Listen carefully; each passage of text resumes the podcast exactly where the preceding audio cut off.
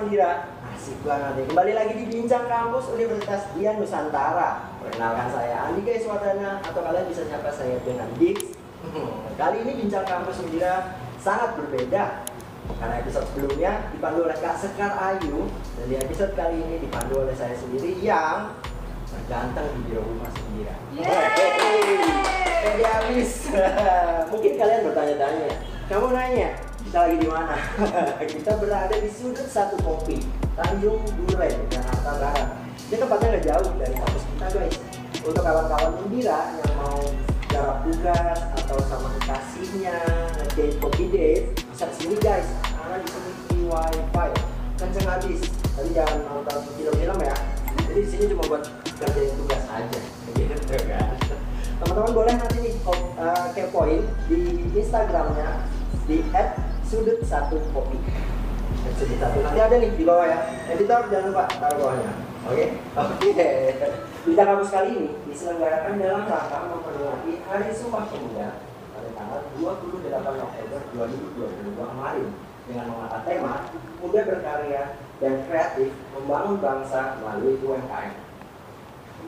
Ada alasan mengapa kita mengambil tema yang berkaitan dengan UMKM Dikarenakan Rektor Universitas Dian Nusantara, Profesor Dr. Haji Suharyadi, sangat mengharapkan mahasiswa Undira mampu menjadi seorang wirausaha dan mengikuti perkembangan teknologi di tahun 2030 sesuai visi Undira. Nah, untuk itu kami menghadirkan dua narasumber yang sangat luar biasa di bidangnya masing-masing. Di antaranya ada Bapak Erik Sahusilawane selaku Komisaris PT Legato Global Annex Tama dan fasilitator di Pusat Pelatihan SDM Ekspor dan Jasa Perdagangan Kementerian Perdagangan RI. Selamat pagi, Pak. Selamat pagi, Sabadika Dika. Sabadika dong itu. dan juga ada Mas Erlangga Dilaga selaku founder Dirko Kreatif, Video dan Visual Branding Spesialis. Selamat pagi, Mas. oh, enggak ada suaranya ya? Enggak. Sebelum kita mengupas tuntas dua narasumber kita ini, ada yang namanya Undirapedia. Hmm, penasaran kan Undirapedia seperti apa? Saya baca. Undirapedia. Eric Lex Donald Sahu Silawane. Beliau merupakan fasilitator di Pusat Pelatihan SDM Ekspor dan Jasa Perdagangan Kementerian Perdagangan RI.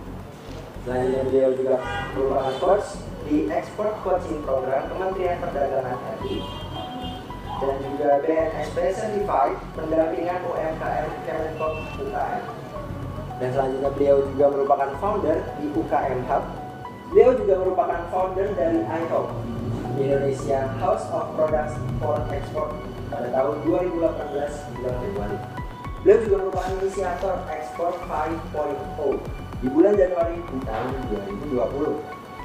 Beliau juga merupakan konseptor standar kompetensi kerja nasional Indonesia ekspor impor Kementerian Ketenagakerjaan nomor 95 tahun 2018. Beliau juga merupakan komisioner PT Legato Global Annex Tama DKI Jakarta dan juga merupakan komisioner PT Bahana Surya Madani.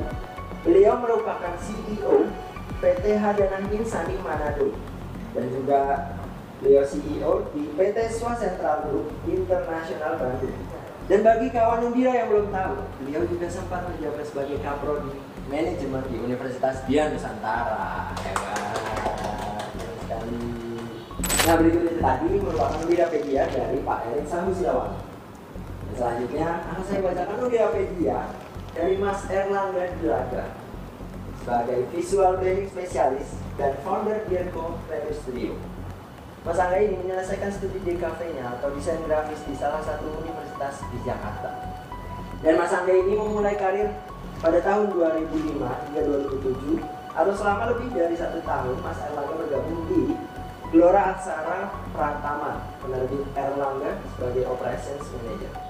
Selanjutnya pada Desember 2020 hingga sekarang atau selama dua tahun terakhir beliau bergabung di Rans Entertainment sebagai brand designer. Dan pada Februari 2021 hingga sekarang, beliau juga bergabung di Kementerian Perdagangan Republik Indonesia sebagai packaging designer guys.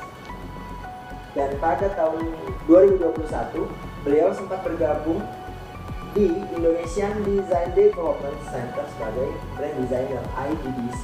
Luar biasa. Nah guys, dari Undidapedia yang sudah saya sebutkan, ini menarik nih guys. Ternyata kedua narasumber kita kali ini sama-sama dari Kementerian Perdagangan. Yang satu di bidang desain dan yang satunya merupakan ekspertis di bidang ekspor. Hmm, menarik banget buat kita bahas ya kan. Nah, baik kawan Undida, peran UMKM sangat besar untuk pertumbuhan perekonomian Indonesia. Dengan jumlah sektor bisnis pada tahun 2021 mencapai 64,19 juta dan kontribusi UMKM terhadap critical engine atau GDP juga mencapai 61,07 persen atau senilai 8.574 triliun rupiah pada tahun 2021. Kondisi UM lokal sempat menurun pada dua tahun pertama pandemi COVID-19 yakni di tahun 2020-2021. Berdasarkan survei dari UNDP dan LPM UI, lebih dari 48 persen UMKM mengalami masalah bahan baku. 70 persen pendapatan yang menurun, 88 persen UMKM mengalami penurunan permintaan produk. Dan bahkan 97 persen UMKM mengalami penurunan nilai aset. Nah, baik kawan Mundira, mari langsung saja nih kita kupas kedua narasumber kita kali ini ya. Kita awali dengan Mas Erik Sagu Silawan. Selamat pagi Mas. Selamat pagi sama Dika. Sama Dika. Sama Dika. Terima kasih sudah menyempatkan waktunya Pak. Sama-sama. Langsung aja nih Mas di pertanyaan pertama. Kalau dilihat dari CV-nya Mas Erik nih, Mas Erik banyak sekali pengalaman di bidang ekspor impor khususnya pada UMKM. Sejak tahun berapa sih Mas Erik bergelut di bidang UMKM khususnya ekspor dan impor? Boleh diceritakan? Oke, jadi pertama kali saya itu adalah eksportir. Eksportir ikan hias air tawar dan air laut, ya.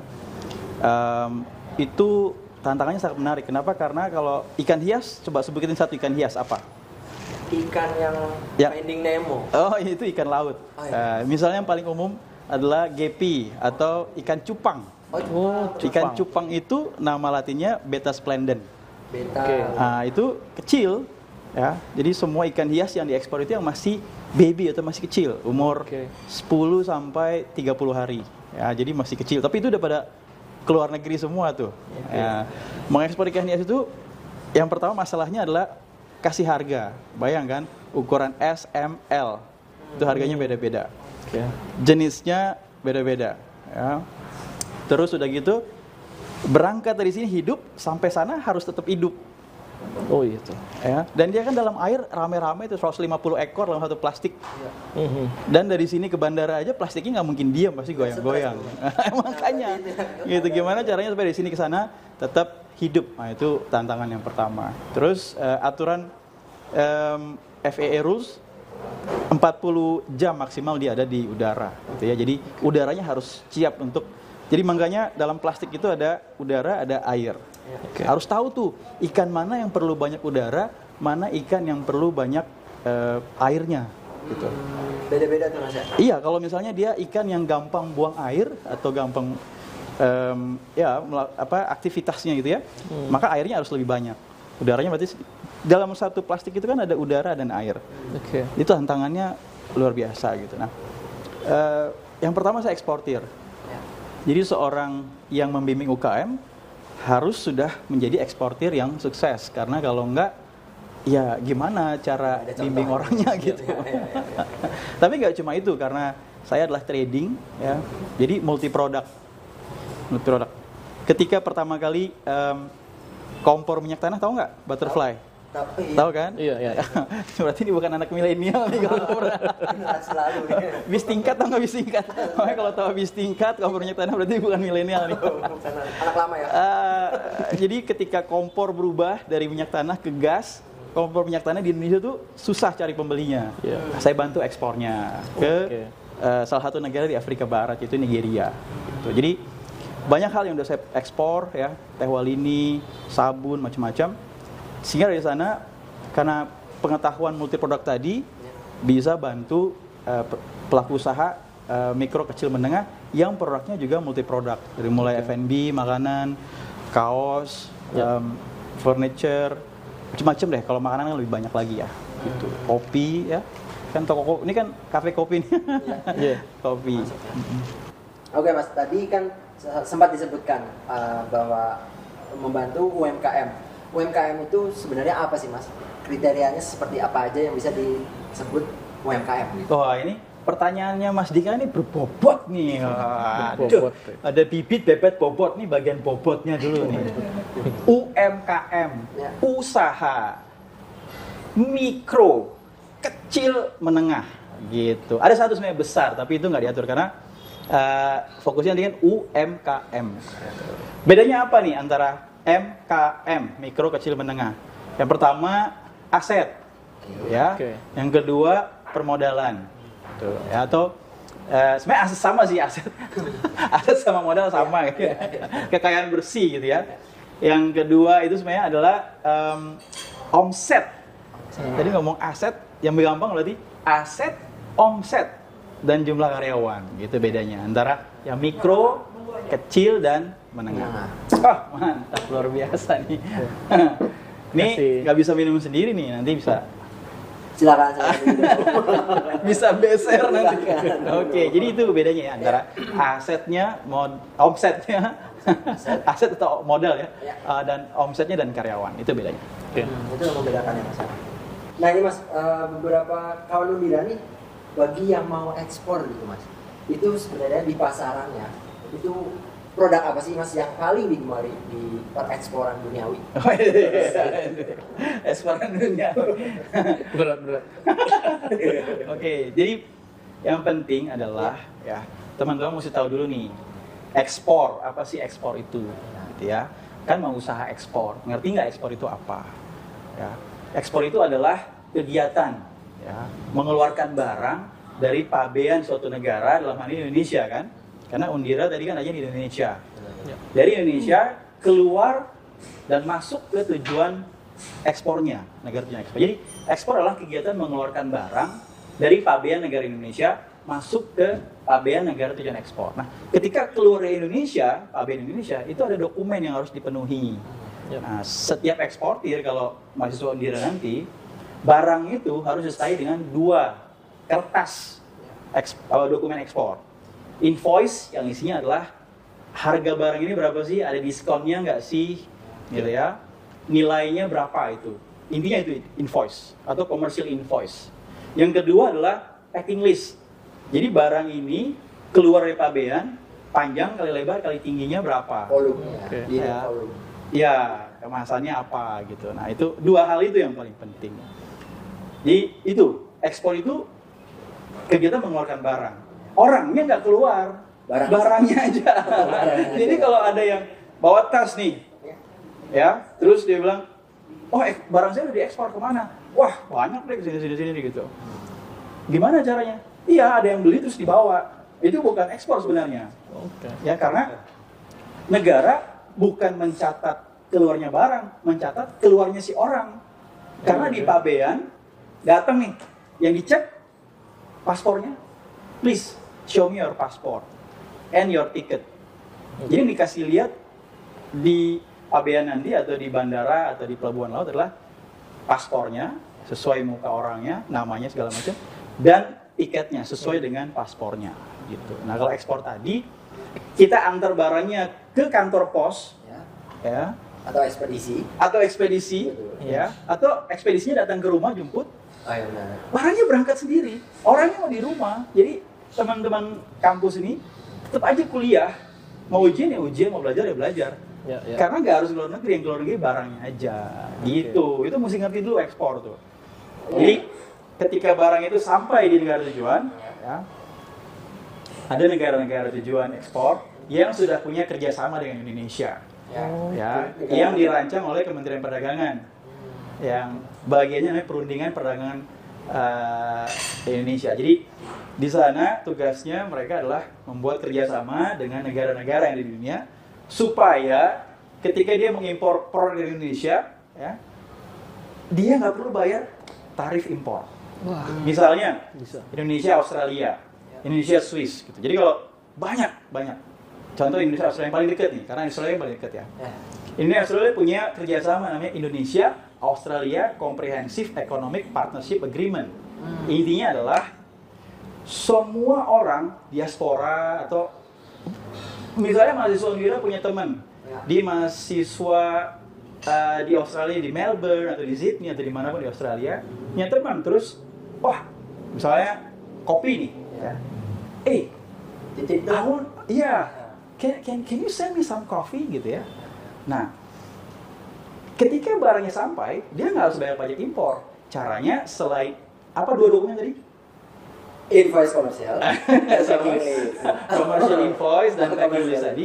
ada satu nih namanya um, COO atau apa namanya? Certificate of Origin. Oh. atau bahasa Indonesia-nya ESKA SKA tuh yang kayak Beda dong. oh beda ya beda joget sekali. Beda beda. dang dang dang itu Wah, jadi SKA singkat dari surat keterangan asal Oh. jadi begitu sampai di sana ada commercial invoice dan packing list tambah satu lagi surat keterangan asal bahwa ini dari Indonesia Hmm. Pak yang di sana nggak berhak untuk meminta pajak impor dari si pembeli.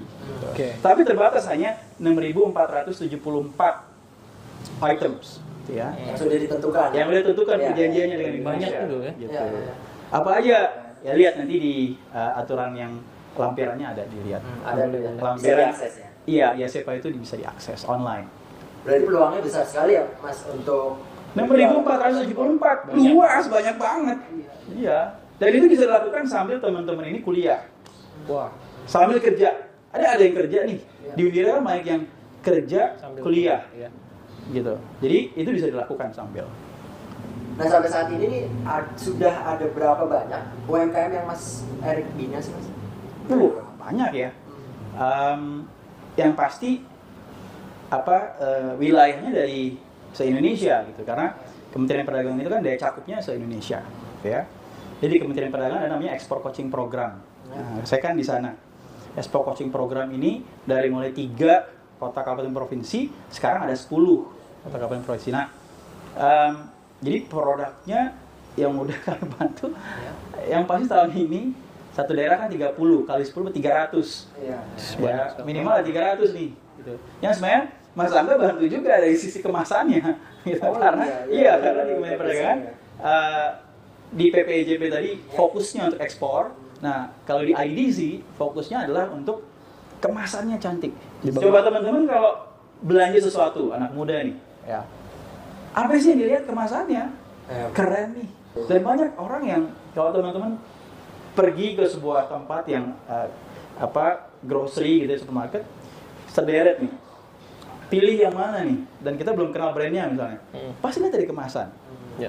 jadi kemasan itu penting banget sebenarnya gitu. Bisa Mas Erik sebutin nggak kayak top 3-nya yang UMKM unggulan yang sudah Mas Erik bina gitu? Baik dari grafik penjualannya yang meningkat kah atau bahan baku yang sangat mendukung atau alasan apa gitu dari Oke. top 3 ini? jadi yang paling banyak di setiap daerah biasanya ada kopi Wajib banget. kopi ada Iya. tuh saya ke Sulawesi Utara saya di Sulawesi Utara ada kopi Ya.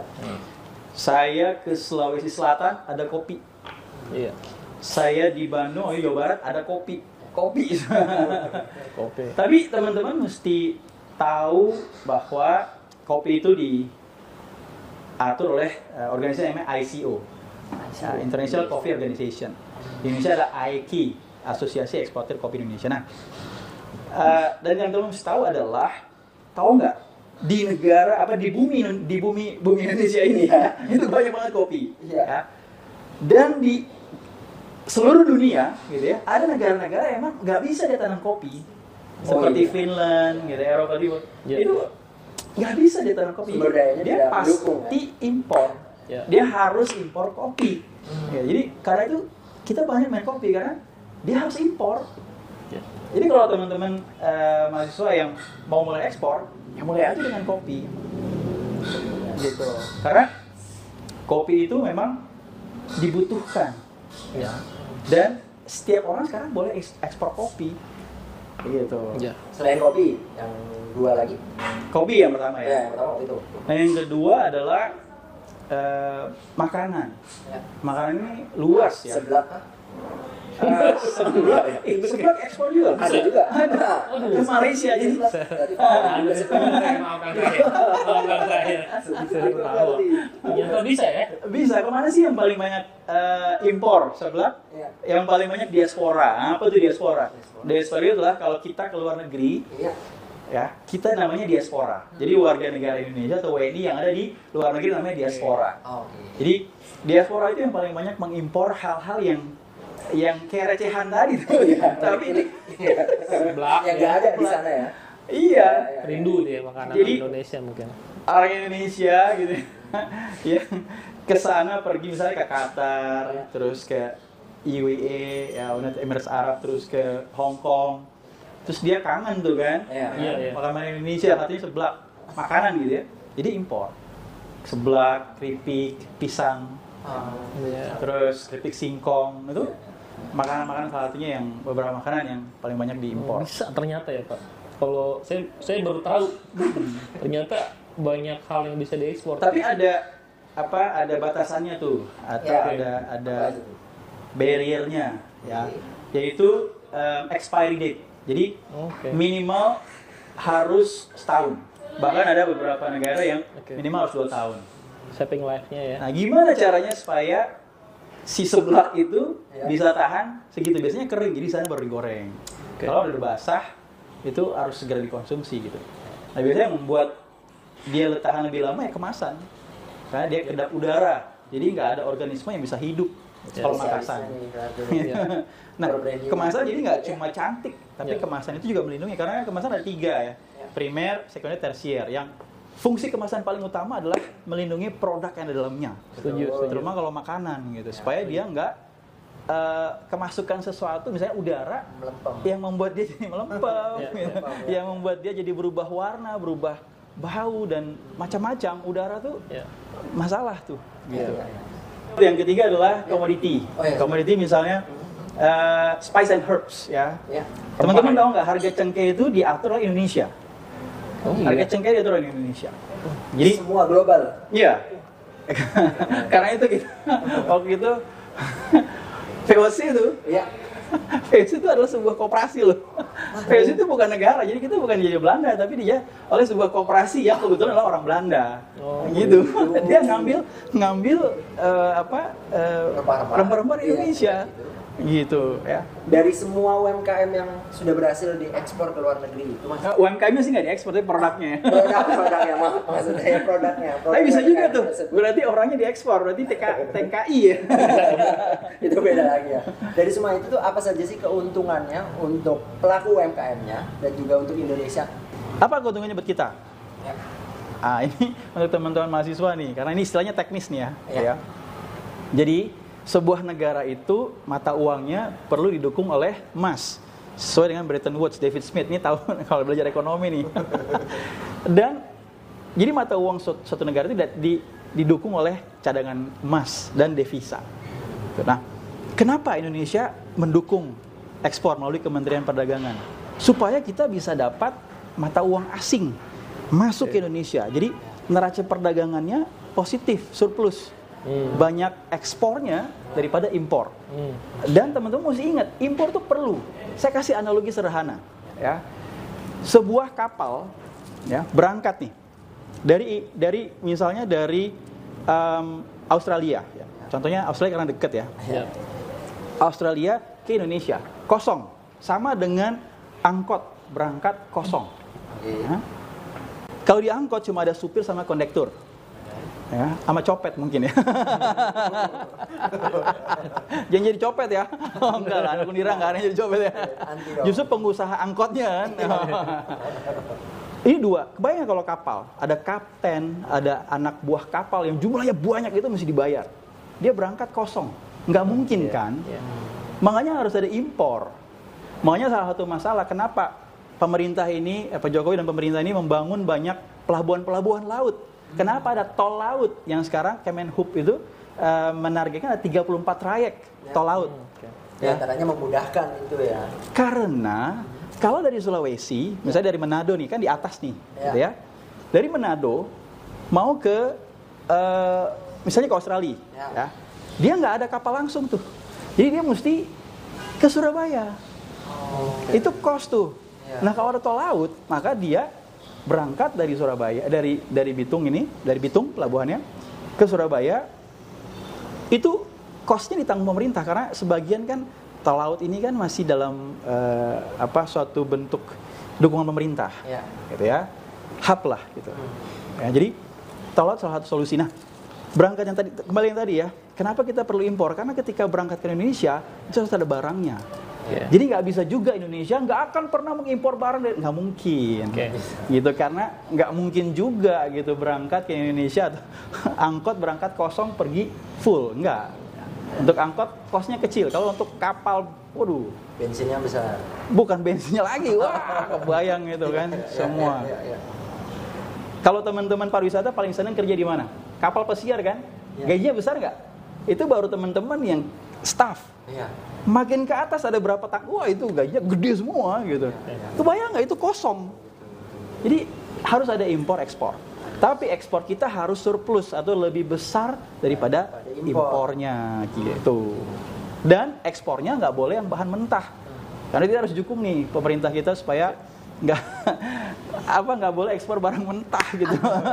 Contoh kopi. Ya. kalau bisa jangan ekspor green bean Oke. kalau bisa ekspornya udah di roasting kayak di Siap seduh ya. Enggak juga, itu kan 21 siap makan. Oh. Udah di roasting, jadi Panggang ya. em, Setengah jadi.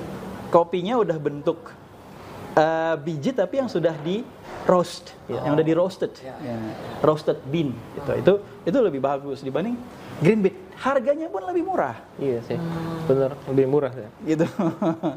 green bean berapa sih? Tau nggak berapa harga green bean? Robusta.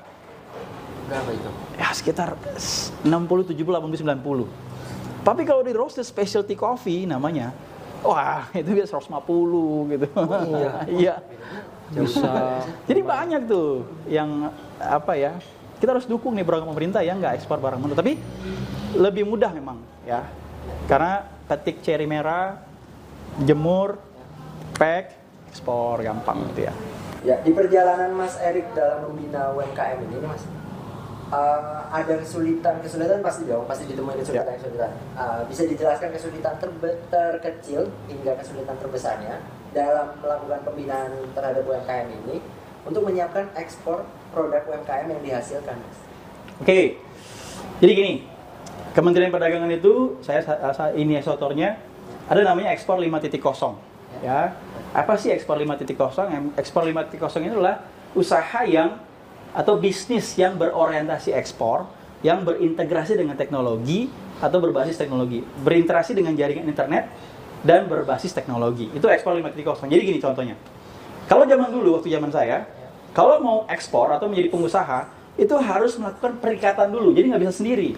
Saya dengan minimal Mas Angga dua orang nih berikat melakukan perikatan disaksikan oleh notaris bentuknya CV Oke. gitu ya PT koperasi dan banyak yang lainnya sekarang dengan undang-undang cipta kerja saya sendiri Mas Angga sendiri Mas Diga sendiri dan teman-teman sendiri yang penting punya KTP punya kan KTP yang penting punya NPWP KTP NPWP punya kan yang ketiga punya waktu nggak 15 menit minimal Iya. ya tapi di ruangannya mesti ada wifi-nya gitu ya. Ya. Kalau enggak ya bisa dua jam. Online online. punya waktu ya? nggak 15 menit? Ya. Yang keempat, punya uang nggak 50 ribu? Oh. Kayak gitu. Modalnya cuma segitu sekarang. Uang 50 ribu, wifi, kalau wifi-nya bagus 15 menit, KTP NPWP. Gitu. Daftar ke AHU, ya, Kemenkumham, Ya. Ya. ahu.go.id, daftar online itu sekarang. Jadi kalau saya dulu Ya. mesti datang datang ketemu orang ajak ke notaris berikat disaksikan notaris bayar ada ada eh, minimal modal penyertaannya gitu ya. Ya, ya, ya. ya. Sekarang online Expo 5.0 itu online. Jadi kita nggak perlu ketemu notaris lagi. Saya tinggal pakai sebuah gadget klik klik klik klik klik di tempat yang ada wifi-nya tadi 15 menit. Buka halaman eh, AHU di Kemenkumham kasih masuk saya punya KTP nomornya Ya.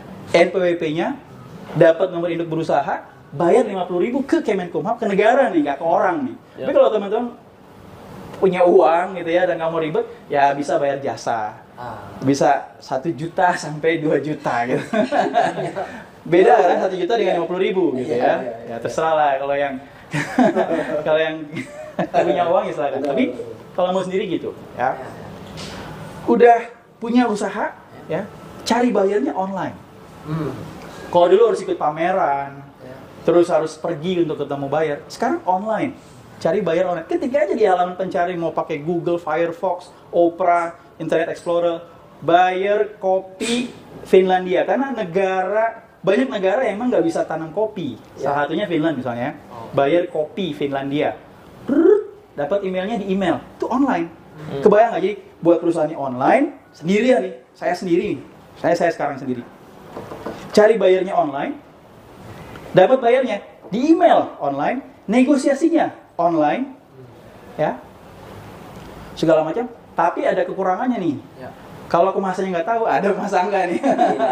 Tapi ke mas Angga bisa online juga. Bisa ya. bisa, online. ya. Iya, ya. bisa online. Pakai apa? Pakai ya alat telekom, alat komunikasi untuk online. Ada WhatsApp bisnis, ada Telegram, Ya. dan yang lain-lain gitu. Media. Eh, micet juga kali ya bisa ya. Wah, beda dong. Beda ya? Oh, beda. Yang dijual beda. Ini yang senyum-senyum nih micet. Iya. Beda nih. Komunikasinya online, ya. Komunikasinya online. Ulang ya tadi ya. Dari bikin Ya. perusahaannya on Online. Cari bayarnya Online. online. Ter inter- apa pakai jaringan internet ya. Iya, betul. Negosiasinya Online. komunikasi dengan ahlinya Online juga. online juga. Semua Ketika ekspor, Mm-mm. ketika ekspor, Ya. mengontak freight forwardernya misalnya uh, saya sebut semuanya biar nggak ada ini ya ada DHL ada TNT Ya. ada IMS atau Express Mail Service dari kantor pos semuanya Online. online juga datang dia datang ambil barang kitanya masih di rumah gitu online tuh gitu sekali ya. terus dia terima Ya. dia bilang saya sudah terima barang kamu cara ngomongnya gimana email online juga Online. So basically that's export 5.0. Jadi antara eksportir, importir, online. Berhubungan dengan pemerintah, kan tadi emang nggak perlu pemerintah untuk bikin perusahaan persorangan? Kan perlu Kemenkumham online. Online juga. Online. Dengan supplier misalnya teman-teman mau jadi trading. Ya. Kak, saya nggak punya produk nih. Saya nggak punya kopi. Saya bukan petani kopi. Saya bukan eh, pengusaha kopi. Saya bukan supplier. Gimana caranya? Kontak supplier kopi online juga tuh. Serba online, ya Online. sekarang. Terima uangnya dari pembeli, de- eh, uang muka jangan bilang DP karena bilangnya deposit. Oke. Ya, karena ada istilah dalam pembayaran ekspor, DP itu dokumen against payment. Oh. Artinya barang teman-teman kirim dulu, Iya. Hmm. barangnya kirim, artinya kalau teman-teman yang trading tadi bayar ke supplier pakai duit sendiri. Oh, Oke. Jadi barangnya udah berangkat, dokumennya apa tadi? Ada dua? Invoice dan. Pengen terbanyak kan. Teman-teman juga tahu ya, apa? Invoice, Packing list. packing list ya. Dan satu lagi, komersial. SK. Sertifikat. baru mau di baru mau di ini dijerumuskan nggak tuh dijerumus hebat hebat pintar pintar. SKA soalnya ingat yang tadi gini SKA itu ya. Tiga hal itu ya. Ya. Itu yang harus di- dimiliki. Jadi online itulah ekspor 5.0. Gitu. Baik, Mas Erik, uh, izin satu pertanyaan lagi ya sebelum nanti saya beralih ke Mas Angga ya. Apa saja program-program dari PPEI yang sudah berjalan untuk membantu pelaku UMKM? Oke, jadi PPI itu sekarang sudah berubah namanya nih. Jadi Pusat Pelatihan SDM Ekspor ya dan uh, Jasa Perdagangan ya PPEJP. Nah, uh, salah satu programnya adalah Ekspor Coaching Program ya. Jadi uh, teman-teman mahasiswa bisa gabung juga nih. Kan trading ya, boleh gabung. Asal punya NIB atau nomor induk berusaha. Ya, jadi nanti pembukaan jadi biasanya uh, pendaftarannya dimulai di Januari Februari. Ya, Januari Februari uh, setiap tahun ya. Tapi ada pilihan kotanya. Jakarta salah satunya sih. Ya, jadi teman-teman Undira kan di Jakarta bisa gitu ya. Daftar online nanti uh, saya share deh ke Dika untuk di-share ke teman-teman gitu ya. Tapi teman-teman harus punya orientasi ekspor dulu nih. Ya, jadi uh, karena kan kegiatannya ekspor Ya. gitu ya. Itu yang pertama ekspor coaching program. Yang kedua ya pelatihan-pelatihan ekspor yang ini nggak abal-abal gitu karena Hmm, eh, iya. sudah ada ISO sertifikasi ISO. Lalu pengajarnya seperti kami nih bersertifikasi gitu ya. Jadi Hmm. ekspor itu mudah iya kalau yang ngomong itu udah ekspor kan dia bilang Iya. udah ekspor jadi bilang mudah gitu. ekspor itu sebenarnya nggak nggak mudah-mudah banget gitu. Kalau ekspor mudah semua orang ya nggak perlu pelatihan kan gitu ya. Ekspor itu mudah kalau teman-teman ada yang bimbing gitu ya. Kalau ngerti gitu. Nah, selain ekspor coaching program, pelatihan-pelatihan ekspor yang em, apa eh, sudah bersertifikasi sertifikasi ISO, lalu ada juga di IDDC salah satu unit usahanya itu membantu eh, pemilik usaha atau pemilik produk nih yang perlu desain kemasan. Hmm. Ya, jadi misalnya produknya udah bagus, harganya bagus tapi kok kayaknya kemasannya kurang Iya. ya misalnya makanan tiba-tiba dia warnanya kuning gitu. Ya. ada beberapa hal yang harus disesuaikan gitu. Jadi teman-teman harus tahu negara tujuan ekspor butuhnya apa dan itu untuk tahu itu online juga bisa. Ya. ya di market access map atau MA di market market access map itu bisa tahu. Di eh, misalnya Australia tadi contohnya karena Australia dekat ya. Di Australia kemasannya harus seperti apa? Ada tuh. Labelingnya dia perlu labeling labelingnya di sebelah kanan bawah kiri bawah itu ada tuh Oh itu diatur juga. ya? iya Beda-beda, diatur ya. jadi nggak sembarangan oh taruh di sini produsen distributornya sini importirnya enggak itu ada aturan tersendiri Iya. itu bisa diketahui online gitu tapi untuk desainnya ya banyak juga desain-desain online ya Iya. tapi eh, kalau misalnya eh, mau datang ke eh, Kementerian Perdagangan unit usaha IDDC itu ada desainer-desainer yang memang ahli bidangnya praktisi yang memang membantu di sana untuk teman-teman yang punya produk supaya kemasannya ya itu eh, berorientasi ekspor Iya. sesuai dengan negara. Jadi nanti akan ditanya nih negara tujuannya apa. Nanti kemasannya akan dibuat sesuai dengan negara tujuan ekspor. Gitu. Betul. Jadi kalau saya eh, bantu secara menyeluruh dari mulai eh, produk yang diterima negara tujuan ekspor apa atau sudah punya produk negara tujuan ekspornya apa gitu ya dokumennya apa persyaratannya eh, izinnya sertifikasinya segala macam tapi kalau khusus untuk kemasan membuat suatu kemasan yang diterima di negara tujuan ekspor dari sisi warna dari sisi segala macam nah, itu harus ada ahlinya tersendiri Ya. Mas Dika Dika. Nah gimana guys, seru banget dan kita sudah mengupas ya tentang semua pereksporan duniawi yang sudah disampaikan sama Mas Erik ya kan. Nanti kita bakal ke Mas Erik lagi ada beberapa pertanyaan juga. Oke.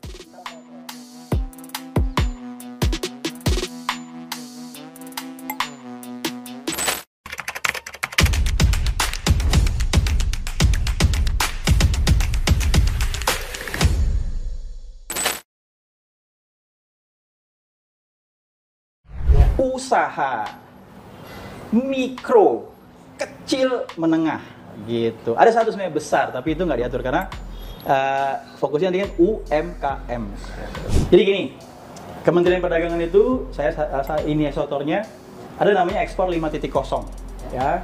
Apa sih ekspor 5.0 Em- ekspor 5.0 itu adalah Uh, izin satu pertanyaan lagi ya sebelum nanti saya beralih ke Mas Angga ya. Nah, narasumber kita kedua ini merupakan um, idola dari kaum kreatif milenial seperti saya dan idola banget saya. Mbak Eva. Oh, idola kaum Hawa nih berarti. Betul. bukan kaum Adam ya Lagi. Dan ini dia Mas Erlangga. Selamat siang Mas. Siang Terima siang. kasih sudah menyempatkan waktunya Mas untuk datang ke sini. Dan ini bakalan menjadi pembahasan yang menarik pastinya. Karena di dunia branding ini selain punya daya cuan tersendiri ya kan Mas. Pada dasarnya bukan hanya sebuah usaha saja yang perlu di branding, tapi di kehidupan sehari-hari pun kita perlu yang namanya branding gitu kan. Ya. atau pencitraan. Dan juga jangan lupa di garis bawah juga nih pencitraan itu penting. Tapi kalau pada tempat dan sesuai porsinya. Betul kan mas ya? Di Undirapedia yang tadi saya bacakan ya Iya. mas. Itu di situ tertulis mas pertama kerja itu ada di penerbit Erlangga. Hmm, ini menarik guys. Apakah ini hanya kebetulan namanya Erlangga Iya. keluarga, Mas? jadi perusahaan sendiri kayaknya iya ternyata itu ya perusahaan perseorangan Sebenarnya ya saya jujur apa bohong nih? Jujur. Jujur. Kawan kita nggak suka bohong. Oke. Sebenarnya saya di penerbit Erlangga itu eh, bukan apa bisnis keluarga. Itu kebetulan aja. Tapi kebetulan juga eh, om saya ada di sana juga. Oh iya. Ya. Dia kepala produksi buat cetaknya kan. Dan saya dulu kan eh, sekolahnya di grafika di Ya. Bogor. Eh, saya masuk sana. Awal mulai itu bukan jadi desainer, Bukan desainer bukan. Oke. jadi asisten operator cetak dulu, jadi operator. Nah, kemudian eh, banyak hal-hal yang saya pelajari di apa di eh, penerbit Erlangga ini, Iya. Sampai kenapa saya bisa jadi desainer tuh ya? Ya. Saya punya teman, ibaratnya saya udah tiga tahun tuh di penerbit Erlangga. Ya. Eh, teman itu tiba-tiba jadi bos saya. Oke. iya, saya kayak wah ini nggak bisa nih Nggak gitu bisa kan. nih. saya Orangnya memang ter Iya. udah terchallenge ya. Iya, Oke. saya juga orangnya tidak mau apa ya. Kok dia bisa gitu kan? Saya ke trigger. Iya. iya. Akhirnya saya memutuskan untuk kuliah. Kuliah sambil kerja gimana caranya saya harus kuliah gitu. Saya ambil eh, apa ya? Bisa dibilang hal yang emang ber- berhubungan dengan cetak Iya. desain. Iya, iya. Dan ternyata setelah saya dalamin ternyata saya orangnya penuh imajinasi. Oh, imajiner orang. Iya, imajinasi saya itu. Kemudian saya masuk sana, saya ambil DKV, saya masih deg-degan juga nih apakah saya bisa masuk karena notabene-nya DKV itu harus bisa Gambar manual. Iya, buat teman-teman nih ya, kalau misalnya DKV itu belum nggak bisa gambar secara bagus, nggak apa-apa coba aja gitu. Oke. Karena Juga diajarin ya? ya nanti juga diajarin lama-lama terbiasa. Bisa karena biasa. Ah, tuh. Bisa karena biasa. Itu sejak tahun berapa berarti uh, mulai menekuni, menekuni bidang visual branding? Visual branding spesialis itu bisa dibilang kalau saya tuh udah lebih dari 12 tahun ya. Ya. Cuma baru ngehnya tuh kalau ini saya yang tekuni visual branding spesialis itu lima tahun belakangan ini. Dulu mah nggak ngerti apa apa gitu ya mas. Ini apa gitu ya gitu kan.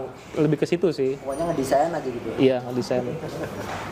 Nah nih mas, uh, seperti yang kita tahu, kenapa mas tertarik untuk nge-branding UMKM? Sedangkan dari namanya saja UMKM, kasarannya tuh uh, bermodal kecil gitu kan.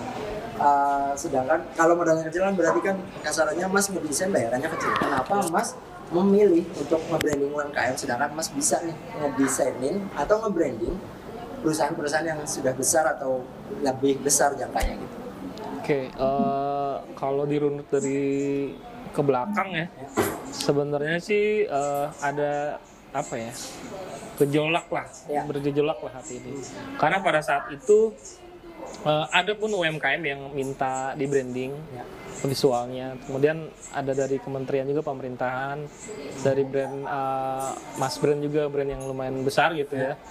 Di situ saya kok eh, ngerasa ketika saya apa membranding visualnya UMKM tuh impactnya tuh lebih gitu Hmm. dari segi misalnya ya contohnya eh, Mas terima kasih kemasannya bagus. Eh, kemudian saya lagi ada proses ekspor ke luar negeri.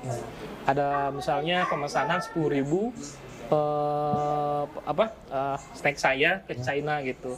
Kemudian Mas eh, produk saya udah sampai US itu kayak eh, Kebanggaan tersendiri kebanggaan ya? tersendiri gitu. ya memang sih kalau misalnya di eh, dari segi apa graphic designer tuh Ya. Untuk dapat ya dapat cuan yang gede buat branding tuh emang kayak daily activity lah nggak Ya. masalah nah kemudian eh, saya berpikir gimana caranya eh, me- apa namanya membel- bukan membelas ya apa bahasanya ya memisahkan antara emang kita jadi bantuin UMKM Ya. atau jadi profesional uh, visual branding spesialis Oh, gitu. oke, ya, nah, ya. saya udah udah bisa tuh.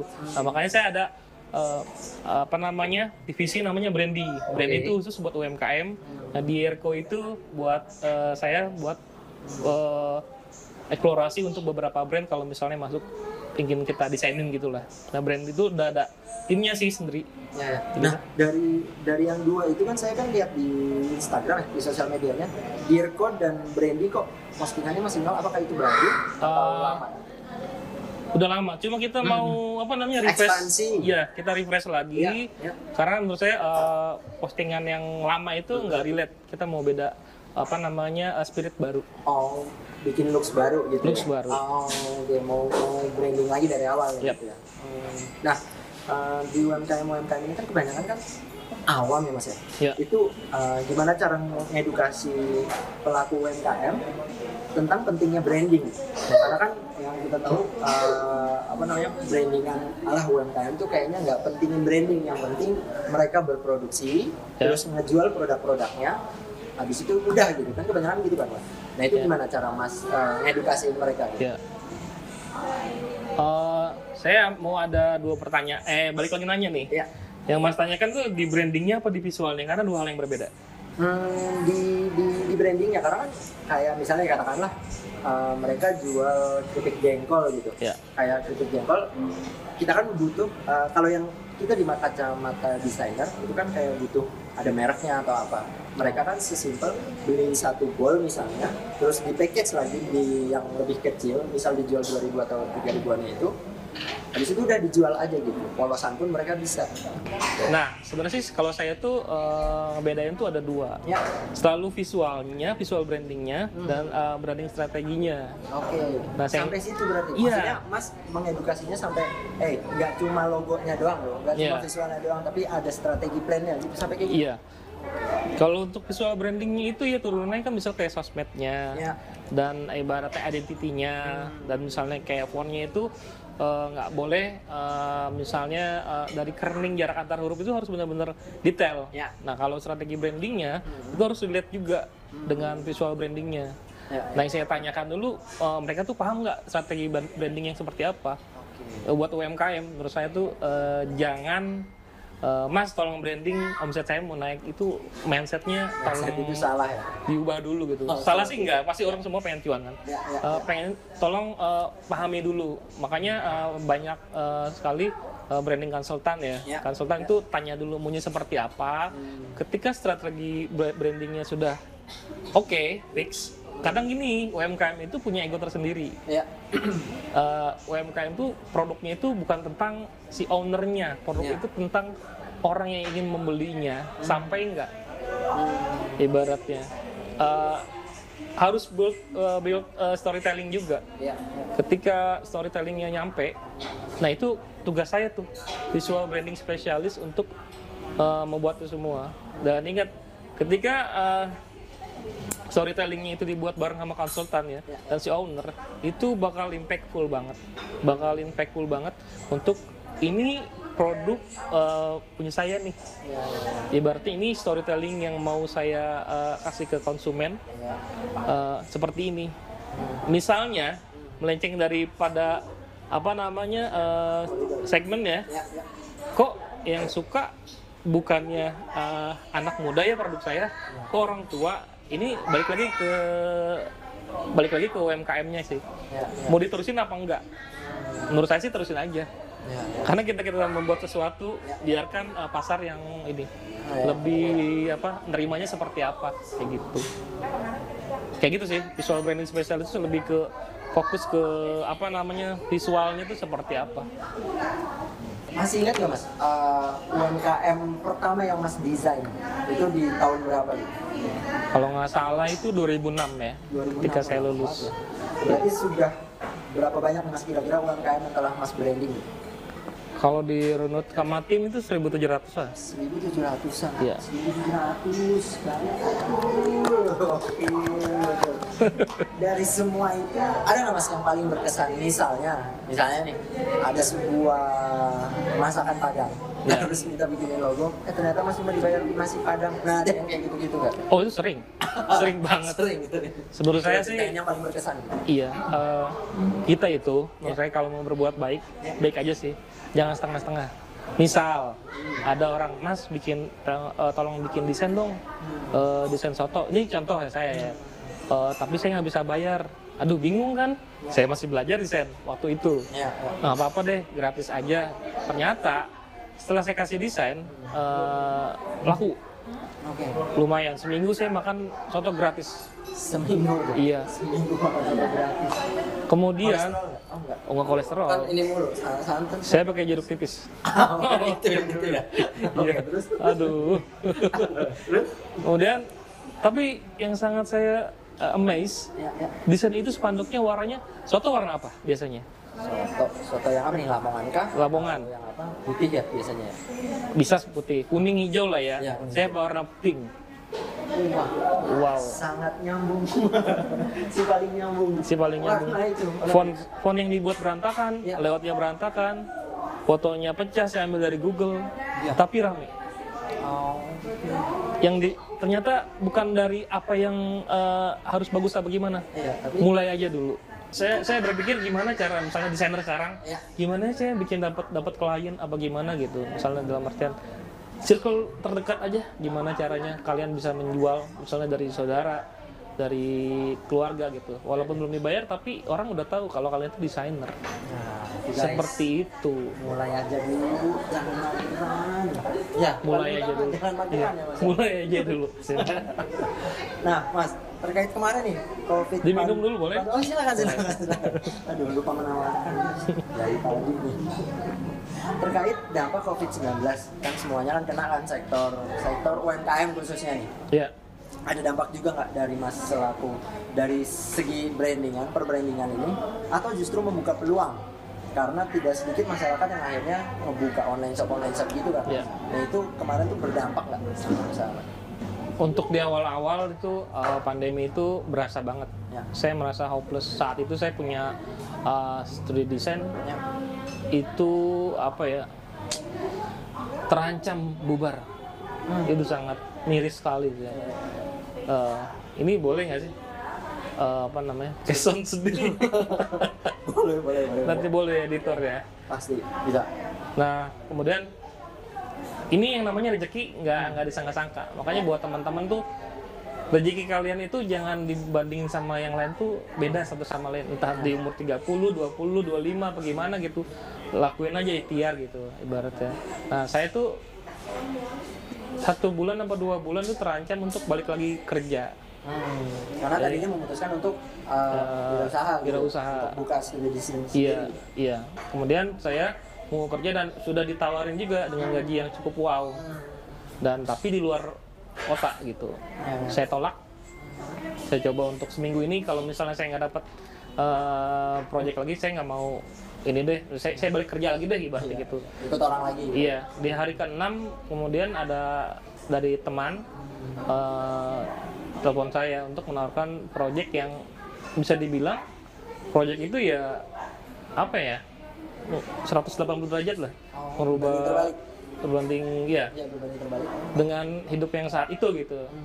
ya ditawarin sama Rans Entertainment itu Oh gitu. Iya. Itu awal mulanya. awal mulanya dan itu saya juga masih nggak nyangka kenapa bisa kayak gitu. Kan bisa dibilang desainer di Indonesia tuh banyak ya. Cuma Iya, saya iya, bilang oh ini yang mana sih saya harus bikin bagus gitu.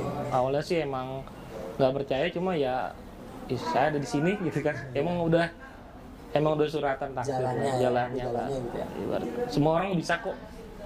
Ah, kalian bersyukur apa enggaknya itu aja sih. Ya. beda-beda. Nah itu. Nah berarti di tahun berapa tadi mendirikan sebuah uh, studio desain Oh, iya. sendiri itu mulai mulai ah gua kayaknya udah nggak ikut orang lagi deh itu sejak itu mas? 2000? Oh ini kalau mau cerita sih semenjak eh, ini agak ini siapa lebih personal ya Ya, coba diceritakan alasannya ya apa jadi sepeninggal ibu saya sih Ya, ya. kemudian sepeninggal ibu saya gimana caranya saya ingin dekat sama orang rumah gitu ya keluarga nggak mau ninggalin mereka gimana caranya kerja dari rumah alasannya sebenarnya sesimpel itu sih kemudian saya masuk komunitas Ya, Ah, boleh sebutin komunitasnya nggak boleh boleh. Uh, satu komunitas namanya Asosiasi Laundry Indonesia itu emang baru build ya. Saya masuk ke situ dan saya mendirikan uh, studio dis, uh, desain desain studio lah ya. Laun desain itu. Iya, lawn Ya, design. lawn design. Lawn design itu dan kemudian ya lumayan saya saya nge-branding selama tiga tahun 700 700 laundry seluruh Indonesia. Laundry. Dengan visual yang berbeda-beda atau satu satu KV terus ikut turunannya aja gitu. Oh, Beda-beda ya? apanya? Beda-beda desainnya tiap yang 700. Iya, beda-beda, beda-beda. Dan itu emang benar-benar custom saya bikin. Uh, dan itu sangat melelahkan tapi fun karena bisa dibilang per bulannya saya nutup lah karena buat uh, biaya sehari-hari lah. Di situ kayak mikir ini kayaknya nggak sampai di sini aja. Kemudian saya berpikir untuk bikin yang lain. Jadi beberapa divisi untuk kayak sosmed manajemen eh, kemasan. Ada saya berkembang berkembang berkembang ya karena itu. Itu men- menyiasati ketika eh, kan itu kan awal mula berwirausaha ya. Ya. menyiasati untuk eh, pas ngeblong gitu misalnya eh, nggak tiap hari ada klien gitu. Nah, ternyata ada satu bulan atau beberapa minggu yang blong nggak ada orderan gitu menyiasatinya apa bikin konten sih. Oh iya Iya. berupa konten saat itu bukan personal konten sih eh, bukan personal branding lebih ke eh, si itunya apa namanya ke usahanya misalnya bikin kayak poster-poster ka- kayak di beberapa iklan rokok kan banyak ada beberapa jargon-jargonnya. Kita bikin kayak gitu. Oh campaign. Iya. Biar orang tuh recall lagi oh si ini gitu. Oh Nah buat teman-teman kalau misalnya gimana sih cara mulai eh, eh, apa namanya jadi desainer dapat order ada beberapa platform yang bisa dipakai. Boleh disebut nggak sih? boleh Ada ya kalau di luar negeri ada Fiverr, ada Fiverr, ada Fiverr 99 ya? iya Fiverr, ada 99 Design. Terus kalau misalnya di Indonesia saya lagi seru nih main Fastwork sih, Fastwork itu dari Thailand kalau nggak salah. Eh, terus ada seribu seribu lancer, eh, freelancer.co.id itu banyak sih sebenarnya. Dan kalau misalnya nggak bisa, aduh ribet tuh main di marketplace desain. Temen aja sih, komen-komenin aja kalau misalnya bikin bikin di Instagram. Eh, kemudian eh, bikin akun studionya sendiri gitu ya. Nggak usah punya apa eh, anak buah sendiri aja jalannya lek-lekin aja terus suka suka kepoin eh, public figure sih oh iya iya di love terus di DM kalau bisa gitu karena nggak ada yang tahu Iya, saya dapat dari Rans ini adalah berteman dengan satu orang yang menurut saya merubah hidup saya Nah, tadi kan eh, Mas sempat mention Rans Entertainment ya kan? Ya. Nah, itu boleh diceritain eh, yang lebih dalamnya untuk kawan Undira. Ini apakah cuma project cuma beberapa tahun atau karena di Undirapedia ini tertulis hingga sekarang masih di Rans Oh, Entertainment. oke. Sebenarnya kalau untuk itu seperti kontrak sih. Hmm, ya.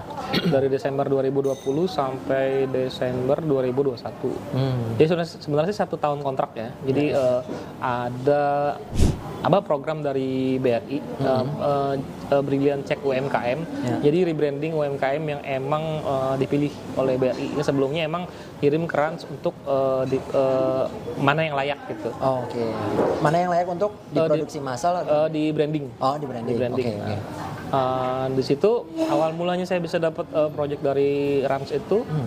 uh, sebelumnya uh, saya berkenalan dengan satu orang yang menurut saya itu jadi mentor saya. Ya. Uh, boleh sebutnya. Ya, boleh. Mas Arto Biantoro itu Hmm. uh, sekitar dua tahun sampai tiga tahun ya. Jadi kayak uh, Oh, kenalnya udah lama. udah lama tapi saya kenalnya nggak nggak nggak person to person sih lebih ke ngobrol via DM aja Oh, via sosmed. karena iya. Ya, ya. saya lumayan uh, amazed sama dia karena emang penggerak UMKM lokal gitu kan Oh, oke. dan saya lihat nih kayaknya eh, figur ini yang emang eh, cocok kalau misalnya saya mentoring un- apa mentorin untuk eh, kalau misalnya ada tentang bisnis agensi itu seperti apa karena beliau juga punya agensi kan Hmm. saya tanya ini bagusnya seperti apa gitu Ya, Udah sampai ketemu dia di Bekasi saya Ya. berangkat dari Bogor Ya, maksudnya ya, ya, ya. ketemu eh, kita tukar-tukaran nomor HP Ya. Eh, setelah itu beberapa bulan nggak nggak nggak komunikasi ya tiba-tiba aja sih langsung ditawarin project trans itu. Dan emang awalnya sih nggak percaya. Cuma oh ini mungkin eh, udah di ini kali ya disortir ya. Udah saya coba juga. Ya ya lumayan lah. Maksudnya sampai saat ini juga jadi kayak impact banget sama Oh, masih ibaratnya repeat order gitu mas. Masih tetap eh, diituin. apa ke yang lain malah? Oh uh, impactnya tuh malah jadi dikenal sama yang lain-lainnya Iya, gitu ya mas ya? jadi saya bantuin Kementerian eh, Perdagangan Dijen Ekspor juga. Mhm. Terus eh, beber- eh, ngisi di apa Kemenparekraf, ya ya ya Kominfo. Terakhir kemarin ke UNDP sih, kayak gitu. nah ini ada yang menarik guys dari Undirapedia yang tadi saya sampaikan kan mas nih uh, gimana ceritanya sempat sampai akhirnya bergabung di IDDC Eh, dari kalau nggak salah dari Mas Arto juga sih. oh iya Dia announce, eh, announce ke saya kalau misalnya eh, bro nih lu ikut ini deh, kayaknya UMKM me- UMKM lokal butuh lu. Eh, sebenarnya itu hari terakhir tuh pendaftaran. Ya, Jadi kita tuh tetap kalau mau ke IDDC itu emang harus daftar dulu nggak langsung gitu. tiba-tiba masuk Walaupun ada Iya. dalam tanda kutip orang Iya, dalam ya. ada orang dalam diwawancara dulu Ya. Akhirnya mungkin karena ngeliat portfolio akhirnya masuk dan beberapa kali eh, setahun ya setahun bantuin terus dikirim juga ke luar pulau sih Hmm. Packaging berupa apa aja tuh mas? Yang sering di branding? Apakah kayak snack ringan atau kopi-kopi atau apa gitu? kopi-kopi mie juga Oh iya. iya. mie ongklok Mie namanya instan, mie instan Oh. mie ongklok asli Candi Prambanan kalau nggak salah tuh unik Oh unik iya, deh ada. iya ada saya branding eh, jamu.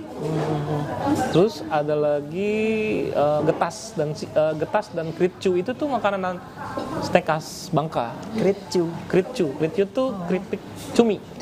Keripik cumi guys, kritcu lucu banget namanya kritcu. Eh, itu berarti dari dari mana? Sumatera? Kebanyakan. dari Bangka. Oh dari Bangka, Sumatera dong. Bangka Sumatera. Bukan saya. Nah nih mas, sepanjang perjalanannya nih mas, pencapaian terbesar apa nih mas yang sudah dicapai dalam bidang visual branding spesialisnya mas ini nih?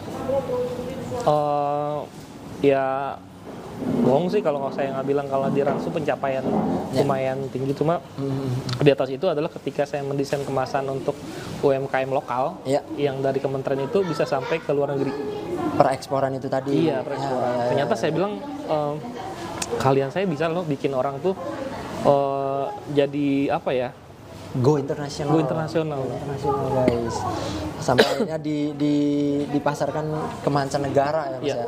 Itu pencapaian wah. dan itu sering banget di tag gitu loh maksudnya kayak Di tag tuh mention. di mention tuh ah. di, di Instagram terus kayak kayak wah jadi saya repost lagi lumayan kayak seneng aja gitu itu nggak ternilai dengan Wah itu bangga banget sih pasti ya mas ya. iya Nah Mas Angga, dari tadi kan udah banyak banget nih yang sudah disampaikan sama Mas Angga kan ya.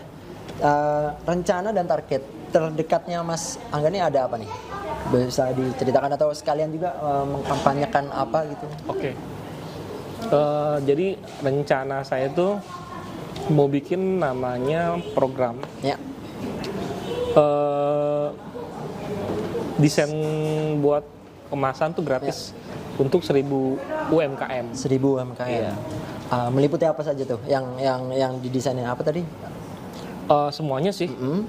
yang penting harus ada kemasan gitu Hmm. dan setelah saya menjalani selama ini kan pernah saya bikin desain 1000 eh, logo UMKM gratis tuh Ya. Eh, saya harus sortir banyak UMKM yang tidak eh, tidak apa namanya belum siap untuk di branding Oh, oke. jadi saya butuh beberapa mungkin dari teman-teman ada media misalnya saya pengen pengen bikin 1000 logo apa eh 1000 maaf 1000 packaging ya.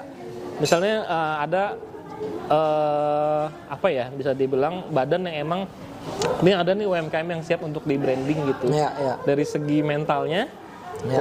ntar saya wawancara juga gitu Oke, ada kurang interview. lebih ya 2 sampai 3 tahun UMKM bisa saya itu gitu saya branding gitu. Bukan saya aja sih ntar ada beberapa teman juga udah siap di TikTok, di TikTok ya bantuin saya untuk eh, kemasan gitu. Maksudnya Oke. apalah daya kita kalau sendiri tanpa teman-teman di belakang. Ada nanti linknya di bawah ini ya. Iya, nanti boleh.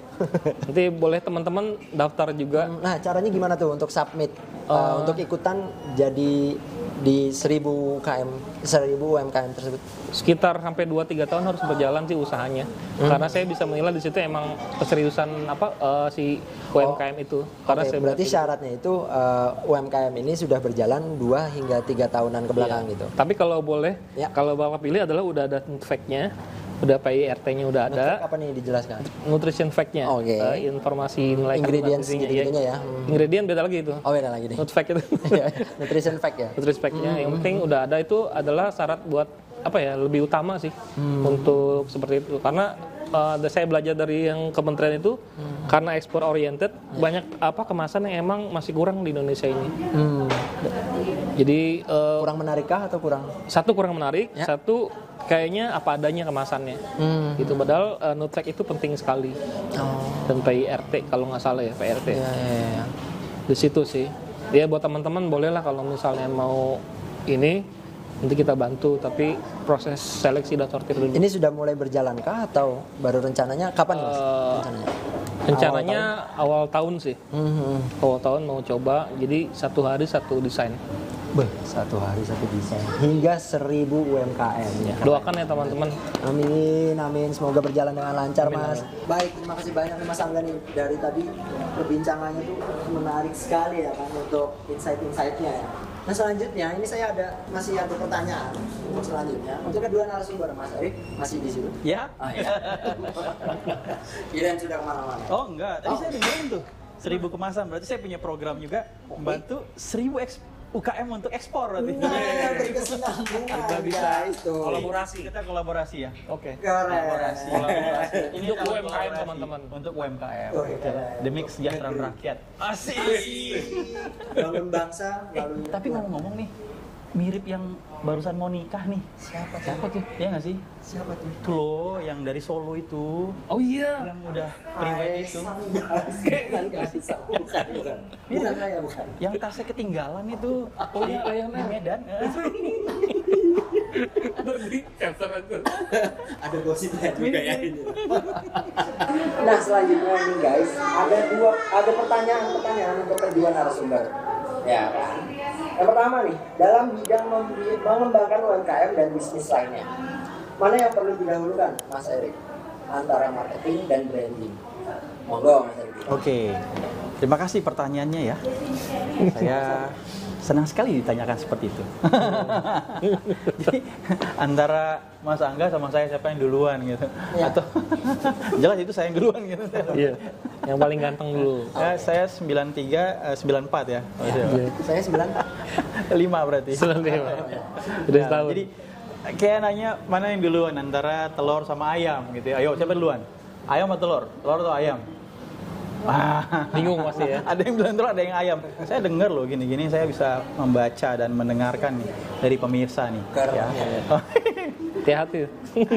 Jadi kolaborasi ya. ya. Seperti yang tadi disampaikan oleh Kak Angga tadi Ya. ya. Mau bikin eh, membantu kemasan 1000 UMKM. Saya juga akan membantu ekspornya 1000 UMKM tadi kalau kemasannya udah jadi. Ya. Kita kolaborasi. Buat UMKM. Ini zaman bisa- kolaborasi. Jadi eh, kita juga kolaborasi ya. Siap. Semangat. Ini gak ada hubungannya dengan tahun 2024, gak ada. Ini, Ada ya? Ini teman-teman ini spontan ya. ini teori nih. Ya. Eh, menurut Kotler sama Armstrong ya. Keren. Ada Kotler loh. Jadi ada ada produk konsep, ada market konsep. Yap. Ya. Kalau yang produk konsep berarti kan dia ada brand, lalu dia cari pasarnya pembelinya. Ya. Gitu. Nah dia dia punya brand tuh, dia bisa brand dulu ya. Tapi kalau yang market konsep, artinya ternyata di Australia butuh produk ini, terus kita cari nih. Ya. Produknya adalah spice and herb. Kan cengkeh, vanilla itu kan dia nggak pakai brand. Ya. Dia kan hanya diekspor seperti itu aja gitu. Ya. Vanilla, cengkeh, lada putih, lada hitam. Jadi ada yang memerlukan brand, ada yang enggak. That's the point Jadi ya. harus bareng-bareng. gitu. Kalau menurut Mas Angga sendiri nih, dari kacamata tersebut, mana yang lebih didahulukan? Marketing dulu atau branding? Kalau saya sama nggak boleh dong. Yang beda. Kalau menurut saya sih, eh, tapi sebenarnya saya sepakat dengan harus barengan. Ya. Tapi karena saya orang branding, saya pilih branding. Oke. apa apa ya. Jadi menurut saya eh, ketika kita proses untuk eh, market dulu ya, Ya. bisa dibilang saya nggak pakai yang pakai Kotler ya, saya terlalu berat menurut saya kayaknya. Walaupun orangnya nggak seberat itu kalau Oh iya. itu. Jadi kalau untuk marketing, eh, ketika kita mencoba apa namanya mempublish brand kita, tapi eh, bentuk bukan bentuk ya dalam artinya visualnya belum terlalu sempurna, itu bisa aja kan. Kita eh, ke marketing dulu kan. Tapi jangan sampai jadi apa? eh Hal yang mendominasi. Eh, bukan. Eh, menyesal di kemudian hari ketika eh, udah ada nih kita produk misalnya yang bikin kita karena nggak mikirin visualnya apa ya. Jadi eh, marketing dulu eh ternyata ada orang yang emang eh, ATM nih. Ambil til eh ATP ama amari tilu tilu plak plak aja gitu tapi dibikin lebih bagus lagi. Nah itu menurut saya hal yang apa ya kayak bisa menyesal lah di kemudian hari. Jangan sampai lah. Jadi menurut saya branding dulu. Brand. karena saya tidak mau sama jawabannya. Biar berbeda. Karena saya orang branding branding dulu aja gitu. Kalau nggak ada biayanya eh, bisa dengan orang sekitar. Misalnya desainer yang emang eh, bisa apa bayarannya nggak terlalu tinggi masih belajar bisa diberdayakan seperti itu Saya setuju tuh. mantap. Tapi memang ada beberapa hal, contoh ya, kayak teh ya. Walini itu kan teh yang bagus. ya kalau ini enak Ada orang yang memang memerlukan teh yang enak, teh walini itu, Ya. gitu ya. Eh, karena dia memang saya pernah ekspor teh walini ini ke Afrika Barat ke Nigeria ya. Memang beda dengan teh yang lain. Tapi karena itu harganya lebih mahal ya. Tapi dalam hal ekspor, pembeli itu kadang dia mau beli tehnya aja, nanti dia akan brand sendiri tuh. Oh, oke Oh, Gitu, jadi- polosan ya, ngirimnya polosan. Iya, Oke. ada yang seperti itu. Kopi, dia mau beli biji kopinya aja, nanti di sana dia akan kemas. Di package. Iya, Oke. bukan cuma di package, tapi kalau di package kan memang dikemas ulang. Iya. Ini dia hanya beli dalam kemasan biji, lalu sampai di sana biji kopi itu akan di roasting dan akan di branding dengan mereknya sendiri. Jadi eh, itu dalam ekspor terjadi seperti itu. Ada yang memang dicari karena brandnya bagus, ya. Beberapa makanan ya, seperti keripik pisang itu juga ada yang brandnya bagus. Em, produk seafood gitu, banyak banyak hal lah. Furniture, gitu ya. Tapi ada juga yang memang dia hanya butuh bendanya itu sampai sana oke di brand brand punya dia gitu. Namanya itu namanya kalau dalam teknisnya OEM gitu ya OEM. Ya, OEM itu secara sederhana namanya maklun. Jadi uh, contoh ya, ini ada brand em, sepatu yang Ya. terkenal di Bandung. Ya, ada brand kaos yang terkenal juga di Bandung. Tapi uh, pembelinya nggak mau gitu. Jadi maunya eh, kayak Nigeria, saya pernah ekspor kaos Nigeria. Dia hanya desainnya dari dia, terus diproduksi di Jawa Barat, lalu diekspor. oke Eh, karena itu kalau dalam ekspor seperti itu. Tapi kalau dalam karena Mas Angga praktisi brand, saya setuju. Ya. Bahwa semakin kuat brand maka akan lebih mudah menjualnya. Apalagi kalau brand itu dibuat dari awal berorientasi ekspor. ya gitu. Dan saya setuju banget kalau eh, ditanyakan dulu, ini mau betul memasuki mempenetrasi pasar mana nih? ke mana dulu ya Eh, penetrasi pasar di Australia misalnya, maka akan dilihat produk sejenis kalau di Australia warnanya, kemasannya seperti apa disesuaikan. Oh saya mau ke Timur Tengah, So, oh saya mau ke Eropa Barat, Eropa Timur gitu.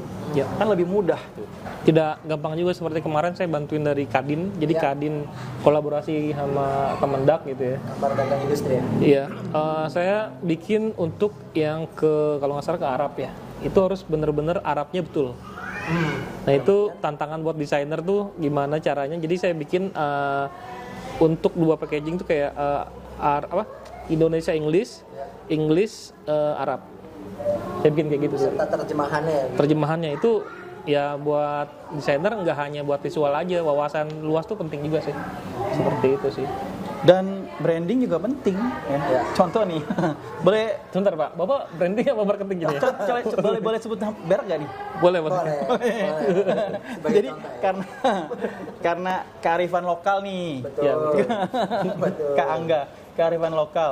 Di Bandung ada merek namanya Kopi Aing.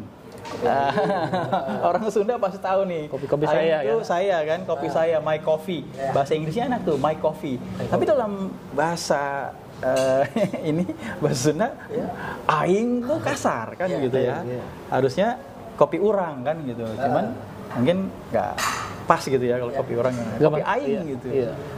Ah, itu branding Ya. gitu ya yang cocok kalau lokal tapi kalau ekspor Beda. dia aing itu kan nggak pas di kupingnya mereka.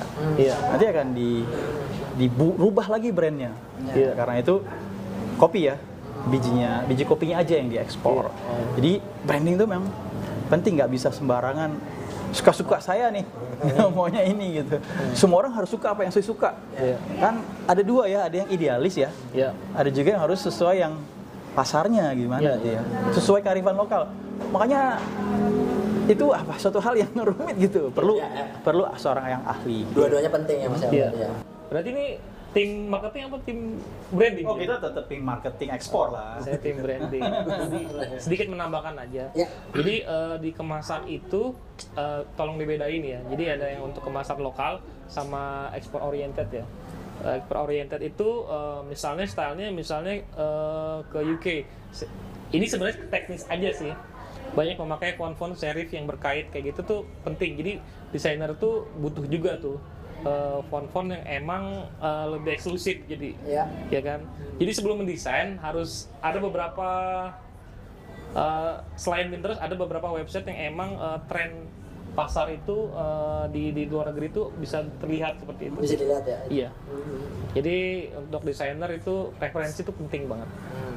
kayak gitu tim branding tim branding Go go go. Tim karena branding. brand itu kan melekat Iya, iya. melekat pada produk itu gitu sampai produk itu eh, habis masa berlakunya Iya. atau Iya. em, apa ada ya, keluar yang baru lagi gitu ya Iya. karena itu kalau kayak pakaian Iya. ya furniture pakaian itu selalu ada masanya Ah, gitu iya. jadi tahun Era-era. iya eh, enam bulan itu ini keluarnya Ya. floral gitu nanti enam bulan Iya, iya. berikutnya beda betul Eh, furniture juga begitu Hmm. enam bulan seperti ini nanti kami keluar katalog baru katalog baru Iya. gitu betul setuju setuju Nah, berarti dua-duanya kita nyatakan penting, marketing atau branding. tapi Sama- bukan berarti teman-teman pacarannya tiap enam bulan ganti enggak itu Oh, jangan dong. Harus setia. Beda, harus setia harus setia Beda, beda, beda. Nah, ini Mas Erik, berkaitan tentang isu resesi 2023. Oke. Berat banget resesi 2023. Singarti nih saya. Nih Mas, eh, tentang kan ada makin nyantar kan terdengar bahwa di sosial media dan di media-media lain tentang isu resesi 2023. Nah, apa kiat-kiat dari Mas Erik kepada eh, kepada UMKM khususnya binaan-binaan Mas Erik ini untuk menghadapi eh, resesi du- 2023 ke depannya? Karena kan eh, siapa tahu di di kawan Undira yang baru ingin memulai tapi dia kayak patah semangat karena aduh gue mau mulai sekarang tapi nanti di 2023 malah ada isu resesi begitu. Bagaimana? oke yang pertama 2023 itu kan belum ya itu Iya. akan datang. Jadi teman-teman jangan takut sesuatu yang akan datang. Tapi preventif perlu perlu ya. Iya, Gitu. setuju. Em, tapi 2023 atau sekarang kita butuh makan nggak? Betul. Lah Masih tetap kita butuh minum nggak? Kan butuh. Kita butuh pakaian nggak? Kan butuh. Nggak mungkin resesi terus kita nggak pakai pakaian nggak makan nggak minum Seru juga tuh. seru juga tuh Satu. Ini mahasiswa mahasiswa oh iya setuju setuju tuh Satu frekuensi lagi. Seru juga. jadi artinya Ya. ke depannya tetap manusia butuh itu gitu karena Ya. Abraham Maslow juga bilang kan ada lima tahapan eh, sandang papan makanan itu penting gitu Ya. ya jadi ada produk-produk yang memang eh, tetap dibutuhkan walaupun ada resesi atau ada apa pun gitu ya Hmm. contoh di tahun eh, waktu covid ini gitu ya Ya. Eh, salah satu produk F&B yang meningkat eh, ekspornya adalah eh, gula aren atau gula semut. iya. iya. Gula aren atau gula semut. Kenapa? Karena eh, ketika atau ketika Covid itu kan orang di rumah tuh Ya. minum sesuatu perlu manis gitu. Iya. Nah, itu ada. Jadi tetap ada kok Hmm. ya eh, permintaan. Nah, tinggal sesuaikan produknya. Nah, kalau teman-teman yang nggak punya teman-teman Undira ini pasti nggak punya produk. Ya, kebanyakan lah. Tapi mungkin ada juga yang punya produk bisa produk sendiri Ya. atau produk tempat dia bekerja atau produk keluarganya misalnya ya. Ya. Di kampungnya ada tanam sesuatu atau membesarkan sesuatu tanaman gitu ya.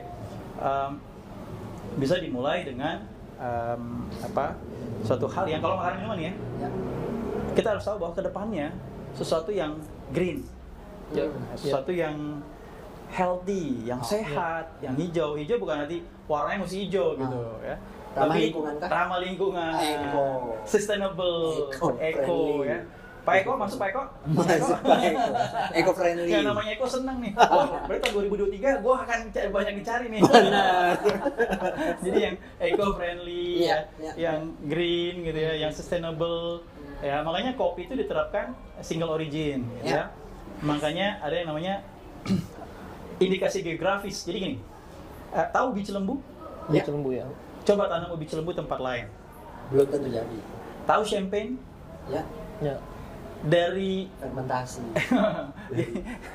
selain dari kota Champagne, Ya. yang lain itu nggak boleh disebut champagne. Oh iya. Oh. Iya, disebutnya sparkling water. Oh. Gitu. Ya, ya. Minuman bersoda. Kopi gayo, selain Ya. dari gayo, karena ada indikasi ge- geografis, Ya. nggak boleh disebut kopi gayo. Harus sebut kopi yang lain. Oh. Karena gaya Kopi daerah. Gitu. Jadi ada Ya. namanya indikasi geografis yang spesial.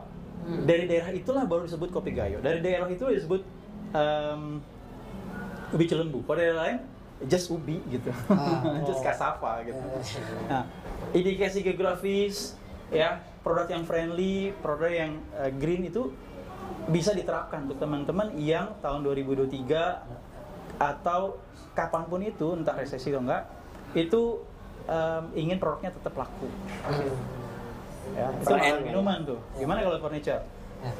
Jadi mungkin untuk produk-produk yang lekas konsumsinya tinggi ya dan Ya. berulang itu akan eh, bagus untuk untuk 2023 resesi ya. Hmm. Tapi kalau seperti furniture atau eh, tas gitu ya, Ya, ya. ya, yang pakaian kayak gitu ya, em, mungkin kurang Ya. ya. Tapi tetap ada permintaan karena orang tetap mau butuh minum, butuh makan, butuh pakai baju, Ya. butuh kacamata. Itu aja yang kira-kira kalau mau eh, tetap usaha, Ya. usahanya tahun 2003 ketika resesi Ya. atau ke depannya. Gitu. Guys. Jadi tetap sebenarnya intinya tuh mulai aja dulu untuk menghadapi isu-isu tersebut. Ya, nggak usah khawatir.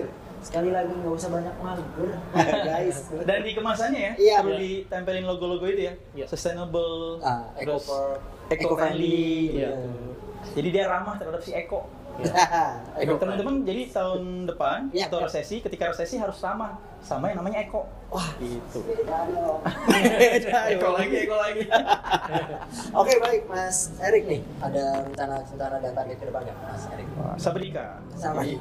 Dengan Rika. Kan tadi udah mau kolaborasi. Oke. Seribu yang mau di Di apa desain. desain kemasannya Iya. seribu yang akan kami pasarkan Iya. karena saya trading ya Iya.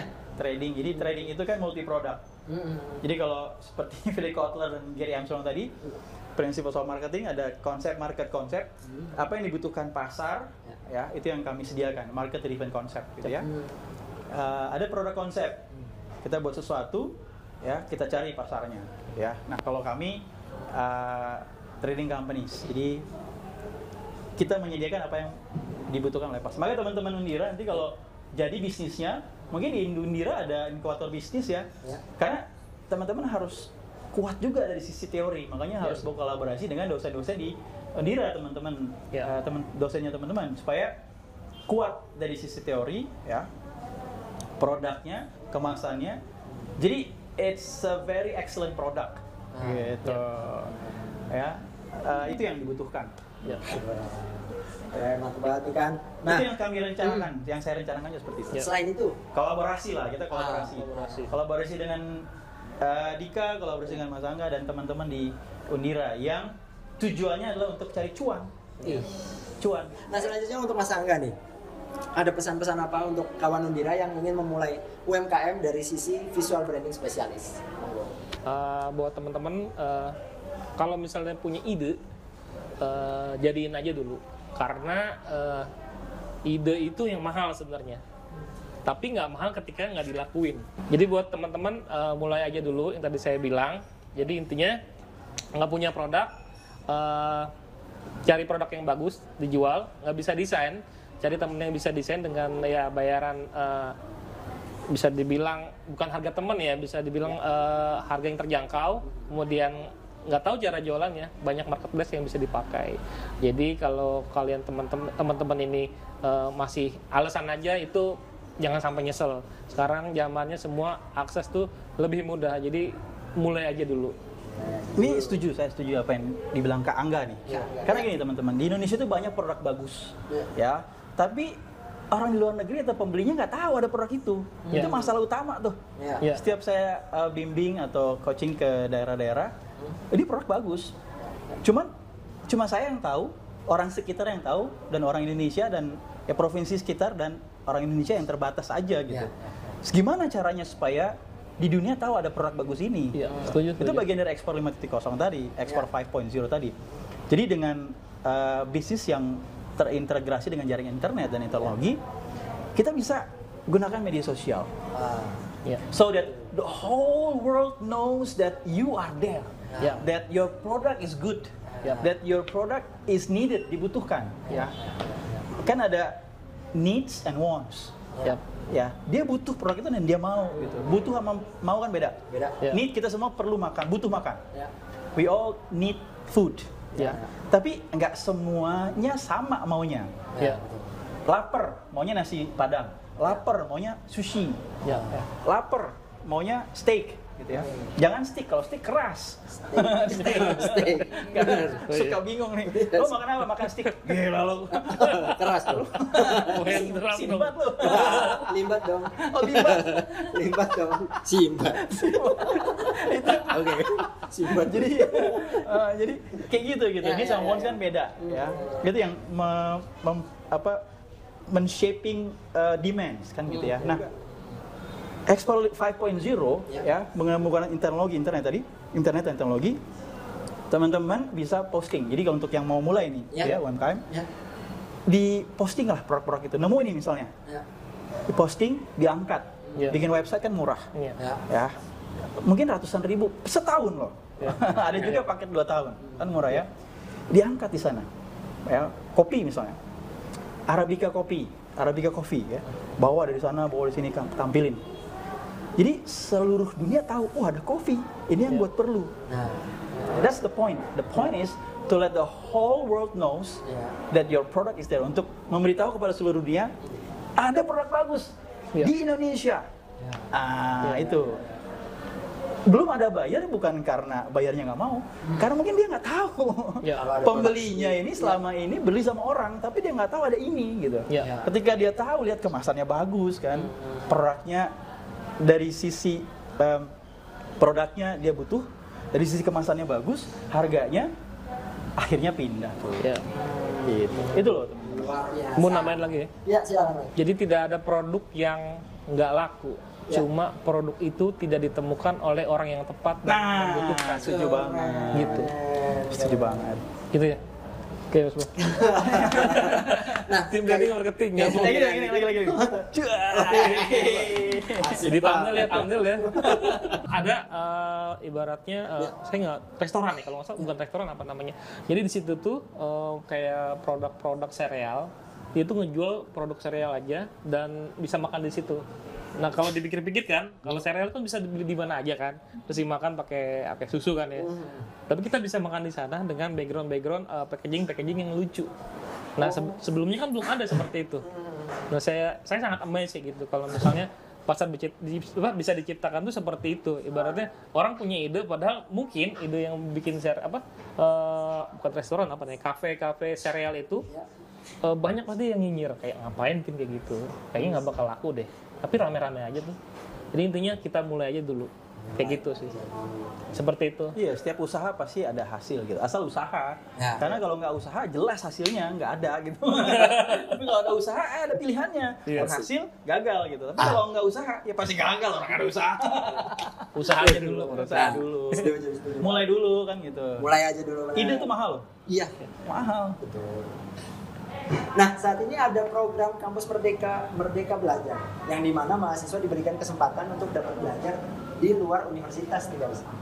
Baik di universitas lain maupun di bidang industri. Apakah ada kesempatan bagi mahasiswa Undira untuk mengambil program MBKM khususnya terkait UMKM di Kementerian Perdagangan, Mas?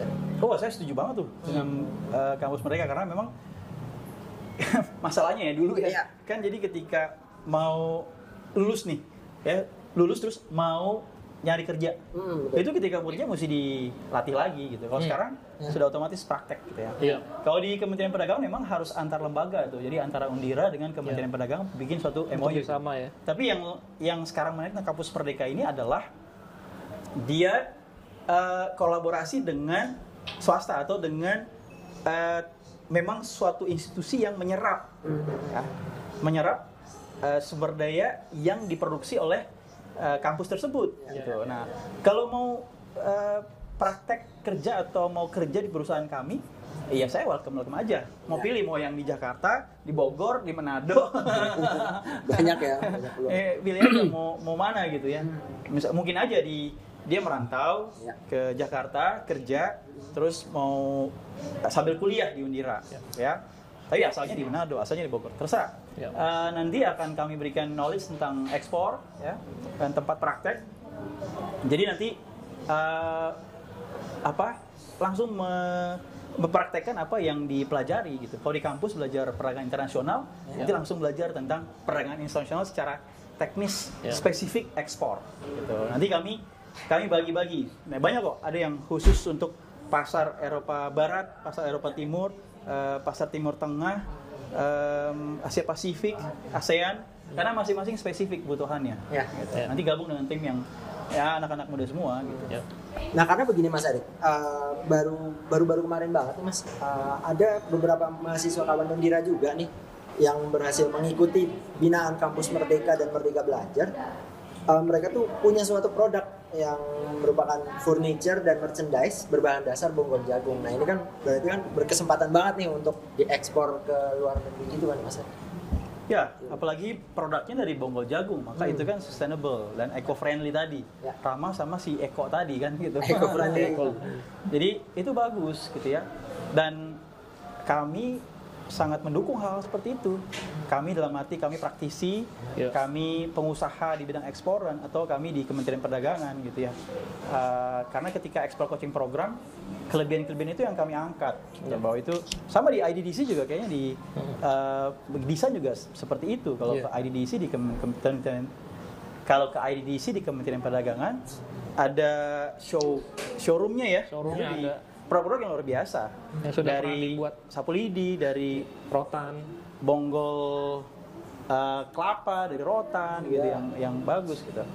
Uh, Nggak cuma itu, ada kedai reka juga. Jadi Iya. mahasiswa dan dosen sekarang uh, bisa juga gitu ya. Kedai reka misalnya bikin produk yang ber- berorientasi ekspor, Iya. ya. maka akan dapat dana dari Kementerian Pendidikan Kebudayaan kan itu untuk dosen-dosennya. Mahasiswanya kan tadi Ya, ya. seperti itu. Jadi uh, bagus tuh ya kalau um, apa coba disampaikan ke kami Bisa ya? uh, itu kan harus pasar di pasar tradisional. Artinya pasar tradisional itu adalah negara-negara tujuan ekspor yang memang sudah lama melakukan uh, penjualan atau neraca dagang dengan Indonesia. Oh. Ada pasar tradisional, ada pasar non tradisional. Hmm. Non tradisional yang tidak secara tradisi melakukan perdagangan dengan Indonesia. Ya, Ya. ya, ya. Contohnya Afrika uh, Barat tadi negara-negara Afrika Barat seperti Nigeria itu pasar non tradisional. Kalau pasar tradisional seperti uh, Jepang, Amerika itu tradisional. Nah, produk tadi Ya. furniture itu kebanyakan diserap di sana. Hmm. Gitu. Ya, yang selama ini belinya di Bali mungkin. Gitu. Nah, berarti itu kan berpotensi sekali Mas Ya. uh, di untuk diekspor ke sana. Nah, dari sisi uh, brandingannya nih uh, untuk Mas ini ini uh, bisa dong kayaknya ikut bagian dari 1000 UMKM itu tadi Mas. Mas bisa bantu juga nih ya berarti desain packagingnya si ada apa bonggol jagung tersebut ya? Bisa banget dengan apa? Dengan sumber daya, Siap. sumber daya tim saya dan saya juga mungkin bisa. nih. Kayaknya cukup unik kalau dibikin pakai ilustrasi kayaknya. Iya. Ya kan? bonggol jagung. Saya tunggu ya Wah, buat ininya. ditunggu di Jakarta. Baik, ini kita sampai di sesi yang aduh sangat sangat menyedihkan sekali sih karena harus mengakhiri sesi ini. Eh, luar biasa kan dari tadi kan narasumber yang sudah kita kupas tuntas habis. Kalau kata anak zaman now tuh gimana tadi? Isinya daging semua. Asik. Eh, Gokil. Sekian dari Bincang Kampus dalam rangka memperingati Hari Sumpah Pemuda dengan tema Muda Berkarya dan Kreatif Membangun Bangsa melalui UMKM. Saya Dix undur diri dan ikuti terus Bincang Kampus selanjutnya dengan tema yang sangat-sangat berbeda dan inspiratif dong. Jangan lupa komen, like, share, dan subscribe channel Indira Official Universitas Dian Nusantara. Pamit, bye. Bye. Terima kasih. Terima kasih Mas Erik. Sama-sama. Sawadee ka.